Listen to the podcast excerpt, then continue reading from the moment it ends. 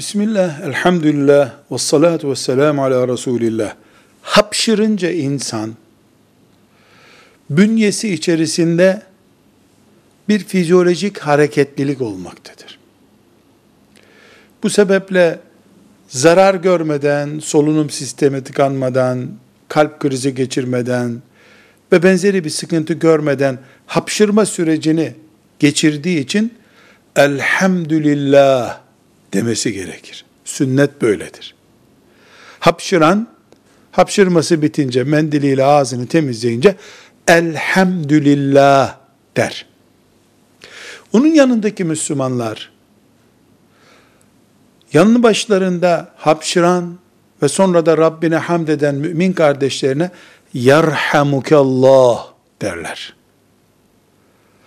O hamd eder, yanındakiler de Allah sana rahmetiyle muamelede bulunsun derler.